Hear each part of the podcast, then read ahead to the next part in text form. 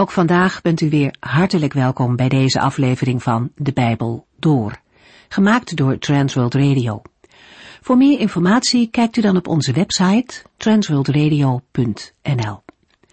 In deze serie gaat u in vijf jaar tijd met ons de Bijbel door, van Genesis 1 tot en met het laatste vers in Openbaring 22. Fijn dat u weer luistert. In de vorige uitzending hebben we Ezekiel 31 en 32 gelezen. De profeet moet vaak woorden van de Heere spreken, die bij de mensen om hem heen vast heel vreemd overkwamen. Hij sprak over gebeurtenissen die nog zouden komen, maar die op het moment dat hij ze uitsprak nog heel onwaarschijnlijk leken. Zo profeteerde hij regelmatig over de val van Jeruzalem, terwijl de stad nog niet gevallen was. De inwoners verwachten hun hulp van Egypte, maar ook dat land zou niet zo sterk zijn als het leek. Daar lazen we de vorige keer over. Egypte wordt vergeleken met Assur. Ezekiel gebruikt het beeld van een enorme ceder om aan te geven hoe geweldig groot en sterk deze volken waren. Juda vertrouwde niet zomaar op een land, vanuit menselijk oogpunt leek Egypte ook een goede hulp. De grote vergissing die ze hiermee maakten is dat ze vertrouwden op wat ze zag, terwijl ze niet naar de Here ging. Daar had ze echte hulp gevonden. Het is in ons leven ook steeds de vraag waarop wij vertrouwen. Vertrouwen we op wat we zien of vertrouwen we op de Here? Assur hield geen stand toen de Babyloniërs kwamen. Uit de profetie wordt duidelijk dat de Heere hier de hand in had. Hij rekende af met de hoogmoed van de Assyriërs en gaf hen over in de macht van Babel. Voor Egypte zit er een waarschuwend voorbeeld in. Ook in onze dagen mogen we de woorden van de Heere ter harte nemen. De profetieën over de eindtijd zullen werkelijkheid worden, ook al zien we dat misschien nu nog niet. Zoals de geschiedenis heeft laten zien dat Ezekiels woorden uitkwamen, zo zullen ook de overige woorden van de Heere vervuld worden. Daar mogen wij in onze tijd van getuigen en mensen waarschuwen om ernst met de woorden van de Heere te maken. In hoofdstuk 32 moet Ezekiel een klaaglied over de farao zingen. En hoewel de farao nog op zijn plek stond, moet de profeet doen alsof hij al overleden is, om aan te geven dat het oordeel over hem vast besloten is. We gaan verder in hoofdstuk 33.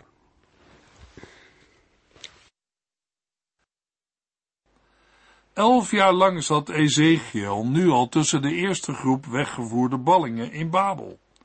Al die tijd had hij feitelijk niets anders doorgegeven dan profetieën over Gods oordeel over Israël, Jeruzalem en de volken. Tegen de ballingen moest hij zeggen, nee, jullie gaan binnenkort niet naar huis. Jeruzalem en de tempel zullen verwoest worden. De toorn van de Heere is niet te keren. Zelfs het machtige Egypte kan daar niets aan veranderen.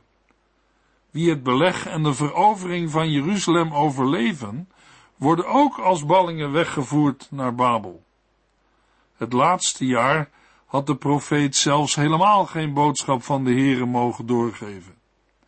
In Ezekiel 24, vers 26 en 27 had de Heere hem bevolen op diezelfde dag dat de ooggetuigen vanuit Jeruzalem aankomen in Babel, om te vertellen dat Jeruzalem is gevallen, zal de profeet Ezekiel zijn stem terugkrijgen om met zijn medeballingen te kunnen praten. En toen, op een zekere dag, gebeurde het. Ezekiel 33 vers 21. In het twaalfde jaar van onze ballingschap, op de vijfde dag van de tiende maand, kwam een van hen die uit Jeruzalem waren ontsnapt, mij vertellen dat de stad was gevallen. Alle profetieën over de val van Jeruzalem en de tempel waren uitgekomen. De vervulling van de profetieën die Ezekiel van de Heere had ontvangen, bevestigden dat Ezekiel een ware profeet van God was. Dit moment moet voor de profeet, die in Babel weduwnaar was geworden, een geweldige bemoediging zijn geweest.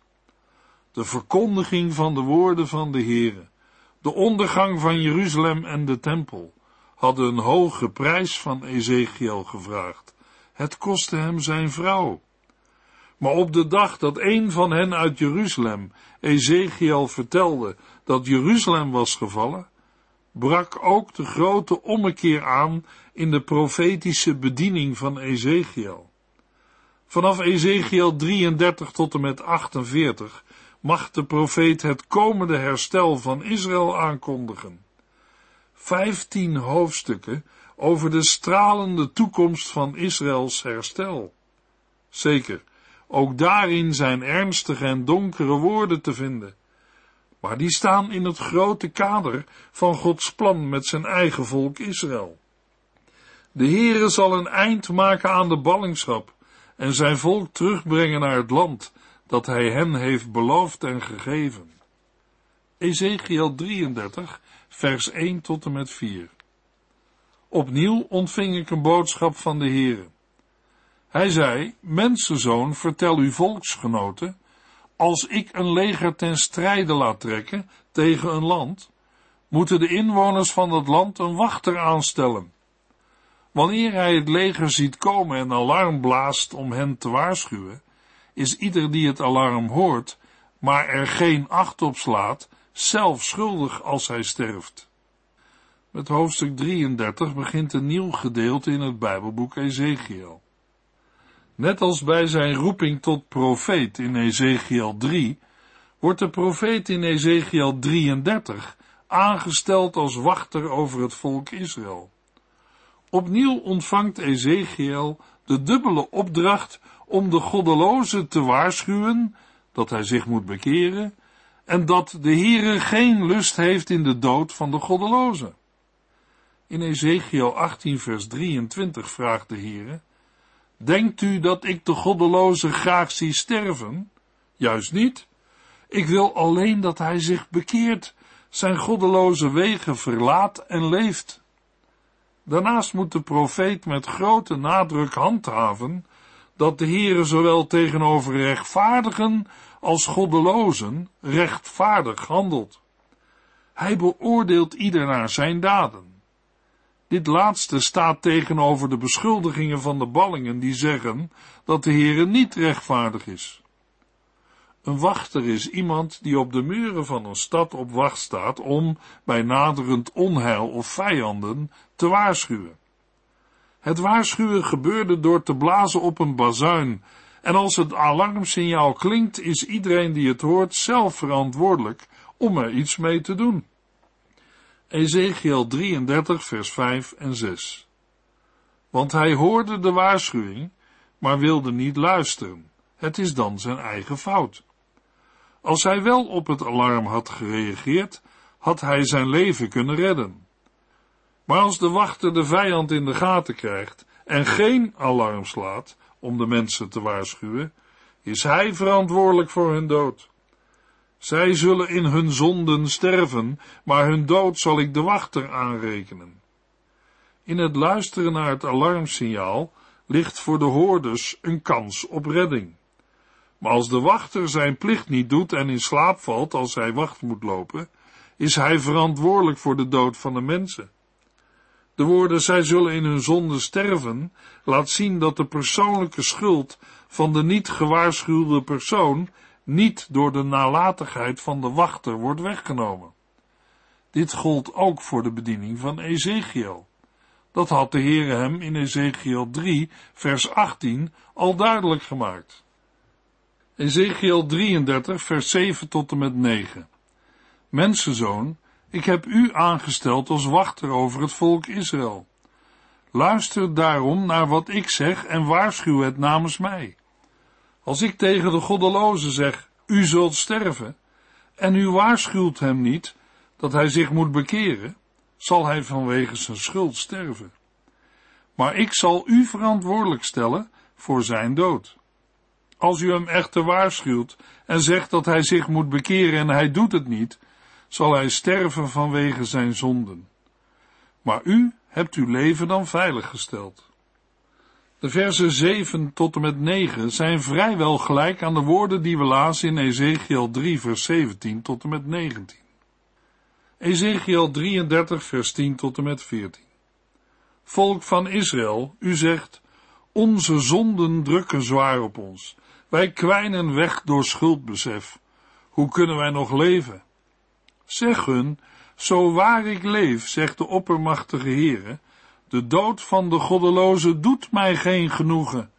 Integendeel, ik wil graag dat de goddeloze zijn zonde de rug toekeert en in leven blijft. Bekeer u van uw goddeloosheid, want waarom zou u sterven, Israël?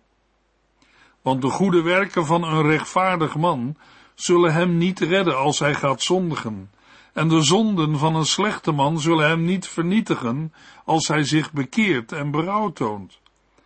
Ik heb gezegd dat een rechtvaardig mens zal blijven leven. Maar als hij zondigt en daarbij verwacht dat zijn vroegere goedheid hem zal redden, zal aan geen van zijn goede daden aandacht worden besteed. Ik zal hem juist om zijn zonden laten sterven. En als ik een goddeloze waarschuw dat hij zal sterven, en hij bekeert zich dan van zijn zonden, en doet wat goed en rechtvaardig is, dan zal hij zeker leven. Hij zal niet sterven. Het optimisme van de ballingen is omgeslagen in troosteloze vertwijfeling. Voor de val van Jeruzalem waren zij van mening dat de onheilsprediking van Ezekiel nooit waar kon zijn, omdat de Heere nooit zijn woonplaats in Jeruzalem zou verlaten. Maar nu, na de val van Jeruzalem, zijn de profetieën van Ezekiel bevestigd. Zwaar voelen de ballingen de last van hun zonde en schuld. Zij zien geen uitkomst meer en verwachten niets anders dan te zullen wegkwijnen onder de straf van de Heere. Dan klinkt de genadeboodschap van de Heere. Ik wil graag dat de goddeloze zijn zonden de rug toekeert en in leven blijft. De ballingen hoorden deze boodschap niet voor het eerst. De woorden van de Heere zijn nu veel sterker dan in Ezekiel 18. De Heere verzekert hen dat iedere zondaar die met een berouwvol en gelovig hart zich tot hem bekeert, door hem in genade zal worden aangenomen. De Heere zegt, en als ik een goddeloze waarschuw, dat hij zal sterven, en hij bekeert zich dan van zijn zonden, en doet wat goed en rechtvaardig is, dan zal hij zeker leven. Maar wat is goed en rechtvaardig? De Heere zegt in Ezekiel 33 vers 15 en 16, als hij het onderpand teruggeeft aan degene die van hem heeft geleend, het gestolene teruggeeft en een eerlijke weg bewandelt zonder te zondigen, dan zal hij zeker leven. Hij zal niet sterven. Geen van zijn vroegere zonden zal hem worden aangerekend. Omdat hij zich heeft bekeerd tot het goede, zal hij in leven blijven. Net als in Ezekiel 18 verzekert de Heere ook hier dat de rechtvaardige zich niet moet verbeelden dat hij met goede werken latere zonde kan bedekken. Daartegenover staat dat een zondaar die zich oprecht bekeert niet bang hoeft te zijn dat de Heer hem toch nog zal veroordelen om vroegere zonden. De handelingen die worden genoemd geven blijk van een veranderde levenshouding. Goede daden kunnen een mens niet redden, maar het leven van een gered mens kenmerkt zich wel in rechtvaardig handelen. Rechtvaardig handelen houdt ook in dat zonden en zaken die nog goed gemaakt kunnen worden, ook worden goed gemaakt. Ter illustratie kunnen we hierbij denken aan de geschiedenis van Zacchaeus in Lucas 19.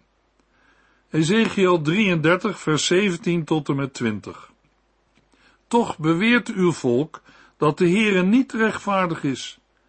Maar het probleem is dat zij niet rechtvaardig zijn. Want, ik herhaal het nog één keer, als een rechtvaardig man gaat zondigen, zal hij sterven. Maar als de goddeloze zich bekeert van zijn goddeloosheid en goed en rechtvaardig gaat handelen, zal hij leven.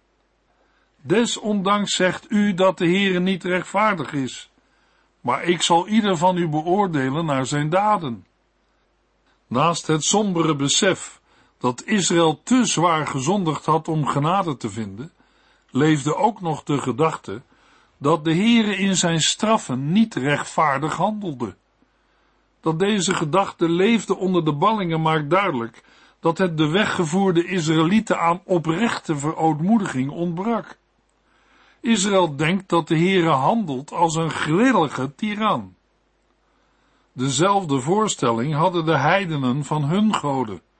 Ze dachten de goden tevreden te stellen met offers en geschenken, maar dat veranderde niets aan hun manier van leven. Het is niet zo dat onze zonden door de Heere worden afgewogen tegen onze goede werken. De Heere maakt Israël en ook ons duidelijk dat hij zich, zowel in zijn straffen als in zijn vergeven, door strikte rechtvaardigheid laat leiden. In beide gevallen wordt Gods handelen ten volle gerechtvaardigd door de houding die een mens aanneemt tegenover de wet van de Heere. In Ezekiel 18 maakt de Heere dat duidelijk. Is de Heere niet rechtvaardig als hij zich houdt aan de vooraf aangekondigde sancties bij overtreding van zijn wetten? De Heere vraagt aan zijn volk Israël, luister naar mij, volk van Israël, ben ik onrechtvaardig of bent u dat? Toch blijven de Israëlieten volhouden dat de Heere onrechtvaardig is. Och, volk van Israël, u bent onrechtvaardig, niet ik. Ik zal ieder van u oordelen, Israël, en ieder voor zijn eigen daden belonen of straffen. Houd op met zondigen, nu u er nog de gelegenheid toe hebt, anders zult u omkomen. De Heer is rechtvaardig in zijn handelen. Als een gevallen mens zich tot God keert, zal hij hem of haar redden. In het Nieuwe Testament, in 1 Petrus 3 vers 12 lezen we, de Heere let op de mensen die doen wat hij wil, en hij luistert naar hun gebeden. Maar hij wil niets te maken hebben met mensen die slechte dingen doen. Ezekiel 33 vers 21 tot en met 24 in het twaalfde jaar van onze ballingschap, op de vijfde dag van de tiende maand, kwam een van hen die uit Jeruzalem waren ontsnapt, mij vertellen dat de stad was gevallen. Nu was ik de avond ervoor door de kracht van de Heere overweldigd, en hij had mijn mond weer geopend, zodat ik weer kon spreken tegen de tijd dat de man aankwam. Toen kreeg ik deze boodschap van de Heere. Mensenzoon, de mensen in de verwoeste steden van Israël zeggen nog steeds, Abraham was maar alleen en toch wist hij het hele land in bezit te nemen. En wij zijn met veel meer mensen, dus het moet ons lukken het land te heroveren. Ezekiel heeft de boodschap van de val van Jeruzalem ontvangen. Nu kan hij weer vrijuit spreken en geldt de restrictie uit Ezekiel 24 vers 27 niet meer. Hij is een levend voorbeeld dat wat de Heere zegt zeker zal gebeuren. In de versen 21 tot en met 33 volgen nu een tweetal profetieën, waarvan de eerste de ongegronde verwachting ontzenuwt van Israëlieten die in het verwoeste land zijn achtergebleven. En de tweede de ballingen bestraft die wel willen horen wat de Heere zegt, maar weigeren ernaar te leven. In vers 24 lazen we dat er mensen in het verwoeste land Israël zijn overgebleven. Het grootste deel van het volk is weggevoerd. In plaats dat deze overgeblevenen zich verootmoedigen onder het oordeel dat de Heere over Jeruzalem en Juda had gebracht, waren zij van mening dat zij een bijzondere aanspraak op de zegen van de Heere konden maken. Waren zij niet door de loop van de gebeurtenissen tot bezitters van het land geworden?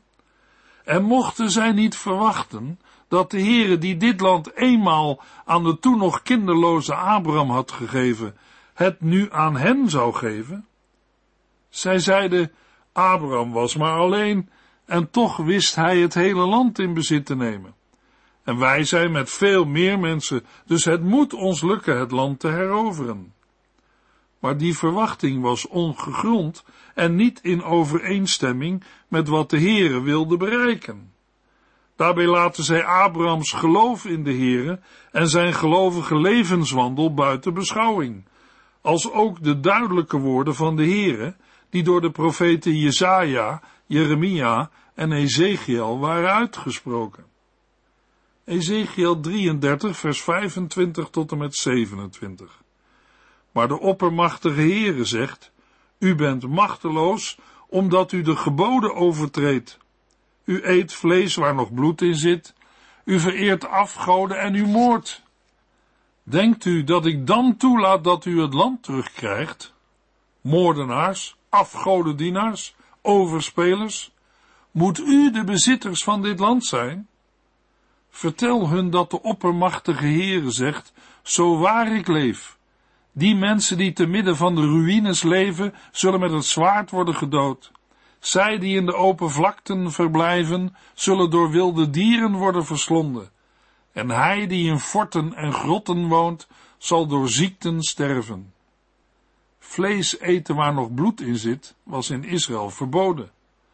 Ook de andere drie zaken, moorden, het dienen van afgoden en het plegen van overspel, was in strijd met de wet van God.